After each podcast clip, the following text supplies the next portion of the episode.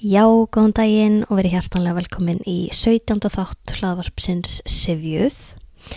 Í þessum þætti ætlum við að spá í setuna og sögu hennar.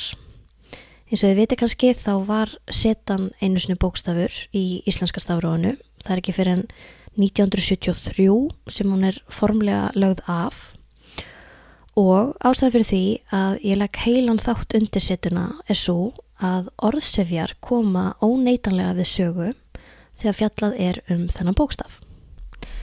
Sagasetunar í íslensku er löng og flókin en við ætlum hins vegar að hafa þetta stutt og einfalt. Við ætlum að kynast í hvernig bókstafurinn var notaður, hvað hann stóð fyrir og hvernig það tengist orðsefjum. Þegar setan var ennþá notuð sérst fyrir 1973 þá var það ekki þannig að það var bara stundum seta og stundum s. Það var á þessu regla. Við lærum í dag hvað á að vera menjulegt e og hvar upsilon en hér áður þá var bönnum kent hvar skildi reytað s og hvar seta. Þessi stafir táknuðu sama hljóð, bara s hljóð, bara eins og e og upsilon tákna báðir e hljóð í dag Þannig að þetta var ekki eitthvað sem kom bara að sjálfu sér. Framburðurinn hjálpaði ekki til við að vita hvort ætti að skrifa. Það var á þessu regla, stafsetningar regla. Við skulum núna hlusta á fyrirlutan af stuttu viðtali sem ég tók við hana mömmu mína. Hæ mamma. Hæ. Hæ mamma. Hæ. Hvað heitir þú fullu nafni? Þóra Stengriðsdóttir. Og þú ert fætt árið 1958. sem þýðir að þú ert hvenar í barnaskóla og svo gagfræðaskóla? Frá 1965 og lög svo landsprófi 1973. Og á þessum árum þá er setan ennþá formlega stafur í íslenska stafróinu og þú segði mér að þú myndir eftir því að þegar þú vorst á bassaldri þá læriður reglurnar um hvað átt að vera seta og hvað átt að vera S. Já, já, þetta var bara partur af stafsetningunni eða réttritunni eins og það hétt líka. Og þá langum við til að spyrja hvaða tækni notaður til að vita hvað átt að vera S og hvað átt að vera seta? Nú, þá þurfti maður og þarf að uh, leita aðeins að uppruna orðsins, stopnunum eða rótinni og uh, ef við tökum dæmi af orðmyndinni komist sem að er einskrifu nú til dags og hljómar alveg eins alltaf þá gætt hún ímist verið með setu eða essi. Og til dæmis þú segðir, þú segðir hann hafði komist í hann krabban þá þurftum maður að hugsa hann hafði komið pluss st þá var það seta. Vegna þess að eð og s fara þarna saman já, rennur saman í setu. Og en ef, ef ég segi svo uh, komist þú í hann krabban þá er ekkert eð þar heldur það bara komi pluss st. Þá bara s. Þannig að það er ekkert undirleikandi eð og þá verður enginn seta. En eru fleiri svona eðs verður seta er eitthvað annað sem verður seta? Ó já það er uh, hérna e, já, eðs er komið. Uh, það er ds eins og í hanski handski og svo er það veistla veitsla, maður veitir í veislum.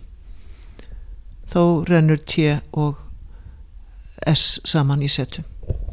Og það er líka svona samfall eð og s í verslun. Já, verðslun já. þá vísar það í verðið. Mm já, hér ætla ég að fara eins betur í þetta eins og ég sagði áðan þá hafa þessi stafir s og z í langan tíma bara staði fyrir s hljóð en áður fyrir þá táknaði setan sitt eigið hljóð Þegar hún var notuð í eldstu handríturum okkar þá táknaði hún stundum TS hljóð, sem sagt eitthvað eins og TS. Og ég segi stundum því hún gæt líka táknað önnur hljóðasambönd en það er efni í aðra umræðu. Sem sagt setan notuð til að tákna TS hljóð. Þannig að orðið bestur með setu á að hafa haft framburðin bestur um, eins með sístur með setu. Það orð á að hafa haft framburðin sýtstur um, mannanöfnin gissur og össur þessi nöfn höfðu setu og hafa namir þessar stundum ennþá í dag til minningar um gamla reytefð en á tímum eldstu handreita þá höfðu þessi nöfn með setu að öllum líkindum framburðin gitsur og ötsur Þetta TS hljóð sem setan stóð fyrir hafði orðið til á þrennskonarhátt. Það hafði orðið til þar sem T og S komu saman, þar sem D og S komu saman og þar sem Eð og S komu saman. Þannig að við sjáum setuna á þeim stöðum þar sem þessi hljóð hafa runnið saman. T og S, D og S, Eð og S.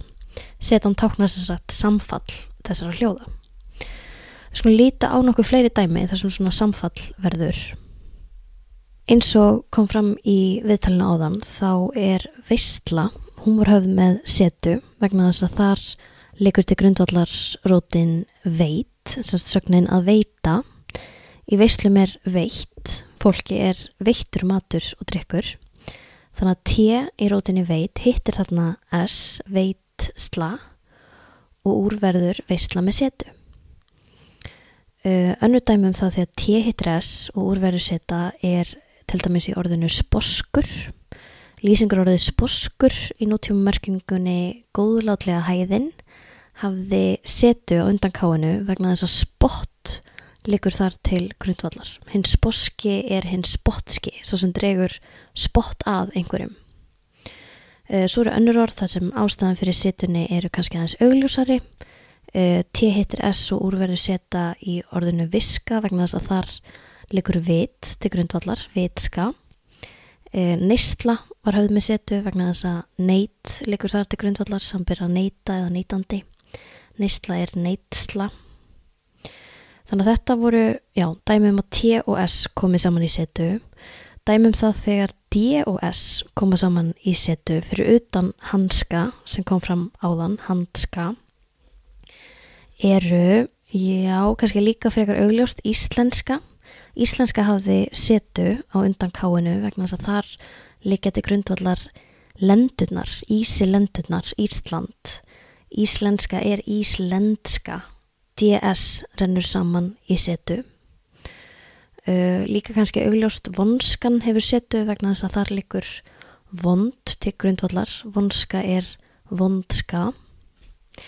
Eitt sem kom skemmtilega óvart í grúskinu er að þetta gerist líka í sögninni ansa í merkinguna að svara einhverjum. Ansa hafði setu vegna þess að þar á fórskitið and að hafa leiðið til grundvallar, að andsa. Þannig að sá sem ansar er sá sem gefur and svarið, hann andsar. E, Áskei Blöndal í íslenskri orðsegabók, hann nefnir reyndar annan mögulegan uppruna sagnarinnar ansa en Þessu heldur Freysteinn Gunnarsson allavega fram í bókinni Ritreglur frá árinu 1929 og hér getur líka nefnt að ennska orðið answer, þar liggur and líka til grundvallar. Answer er í rauninni bara andsvar. Hafði aldrei hugsað þannig. Plús það að við erum með ansvar á sænsku og dönsku, reyndar í markingunni ábyrð eða umsjón en já, að þetta sé rauninni alltaf sama. Það var eitthvað sem ég hafði ekki leitt hugan að áður. En á þessum dæmum sem við höfum tekið fyrir eins og viska og sposkur og hanski og ansa, þessum setu orðum, þá heyriði að það er mistjúft á uppránunum. Það segir sér kannski sjálft að í orðinu viska leiki viti grundvallar en svo krefst aðeins meira ammanni að maður viti að í orðinu sposkur leikja baki orðið spott. Og eins um leið það kannski augljóst að hand líka að baki orðinu hanski en ekki alveg eins augljóst finnst mér að and sé eitthvað skonar eh, grunnrót í sögninni ansa.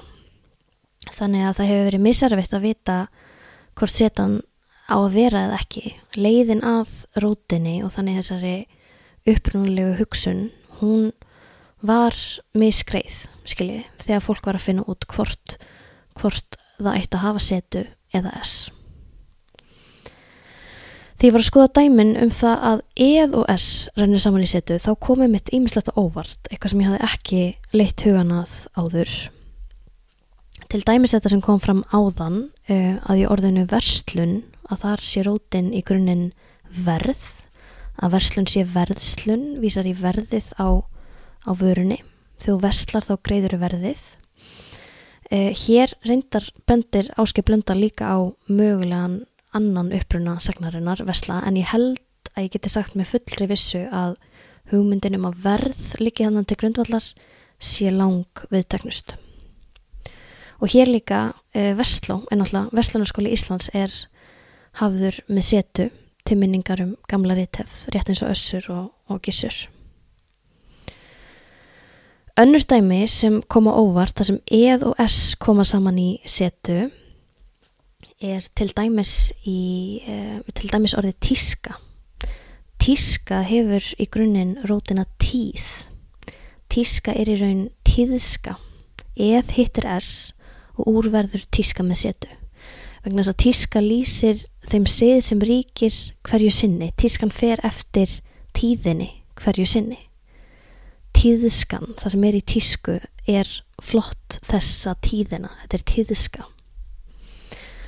Ímis um, önnur dæmi þar sem eð heitir S og úr verður seta til dæmis var gæska höfðum með setu vegna þess að þar liggja gæðin til grundvallar gæska er í rauninni gæðska lýsir gæðum því að vera góður. Uh, líska var höfðum með setu má líska var höfðum með setu vegna þess að það er líðurinn sem liggur þar til grundvallar. Mállíska er í raun mállíðska, það mál sem er talað hjá þessum líð eða þessum, þessu fólki. Þíska, hún var líka höfð með setu, uh, þýðið myndar það rótina, þýðska, þíska er þýðska, lýsir máli þýðisins. Þýðið er þjóðin og þjóðin sem umræðir eru þjóðverjar. Uh, síðasta níska, níska uh, var líka höfð með setu vegna þess að í grunninn er rótin þar nýð nýð er í dag eitthvað svona eins og svíverðing samanbyrð það að nýðast á einhverjum. Þannig að það er grunnorðið á bakvið nísku. Að það, það er í grunninn nýðska það fannst mér áhugavert og hafði ekki litt hugana þessu áður. Þannig að já, eftir grúski má kannski segja að ég svona sjáu orðin aðeins í nýju ljósi. Og eins og ég sagði áðan þessi dæmi sem ég tekið leiðin að rótinni er misgreið og sumt krafðist kannski aðeins lengri útrekninga en annað að fólk var að velta fyrir sér hvort ætti að vera. Til dæmis bestur sem ég nefndi áðan þar þarf aðtöga miðsti orðsins betri til að finna út að bet sér rótin og svo er það líka þessar ólíku beigingamindir sagna sem mamma Þóra myndist á áðan. Komist og komist. Þú þurft að, þú þurft að vera þú þurft að sitta þig í málfræði stellingar til að finna út úr því hvort setan eigi að vera eða ekki. Og það getur einst fólki miservitt, sumir fóru létt með þetta á meðan þetta vaðist fyrir öðrum bara eins og gengur og gerist í, í stafsetningu þannig að þegar það kemur til tals að afnema setuna þá hafði fólk ólíkar skoðanir. Þetta varð rosalegt hitamál. Fólk hafði svo sterkast skoðanir um það hvort setan ætti að víkja eða, eða fá áfram að vera íslensku bókstafur. Ég las nokkrar eh, greinar á tímarit.is bæði með og móti setu og, og það er eh, ótrúlegt hvað þetta var mikið þrætu epli eh, Sverrir Hermansson þingnaði sjálfstæðsflokksins hann held ræðu á alþingi í fimm og halva klukkustund um þetta mál.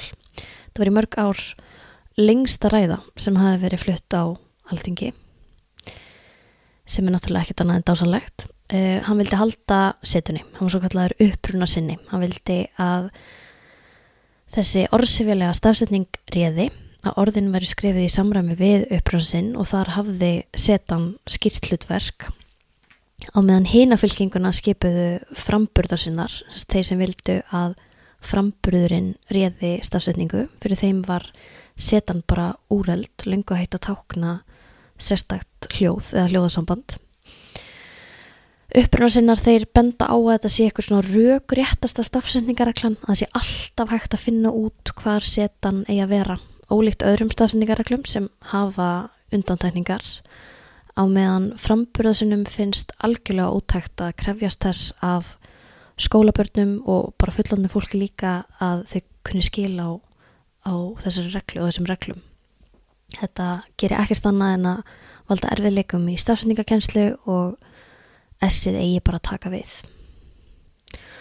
Og þeir höfðu betur, frambröða sinnarnir, þeir unnu þessa baráttu og setan var afnuminn hustið 1973 og um, essið tók við. Ég spurði mömmu aðeins út í það hvað henni fannst og við skulum enda þáttinn á setni hluta þessa stöttaviðtal sem ég tók við hana.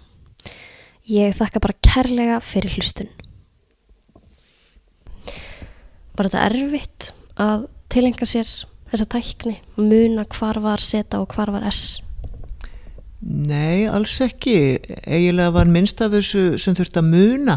Jú, vissulega var sjónminnið mikilvægt í mörgum orðum eins og best og eitthvað svona sem maður var ekki að hugsa um að væri eh, um upprunan. En annars gekk þetta náttúrulega einhvern veginn Eh, út á það að hugsa út í þetta hversin sem maður skrifaði þetta því að þá kom sjónminnið ekki að gagni. Saknaru setunar? Ekki beint, ég getum ekki sagt það. En auðvitað er það svolítið oft þannig að þegar mann er tökum á einhverju sem er svolítið vandasamt að þá uh, heldur maður upp á það. Hugsaður stundum sem þú ert að skrifa eða lesa í dag um, og það er S þar sem áður var seta, hugsaður þá hér á að vera seta Já, ég get ekki neyta því. Ég mér finnst það svolítið skemmtilegt og ég smjatta svolítið á því í huganum. Smjatta alltaf á því. Takk fyrir spjallið. Takk sem leiðis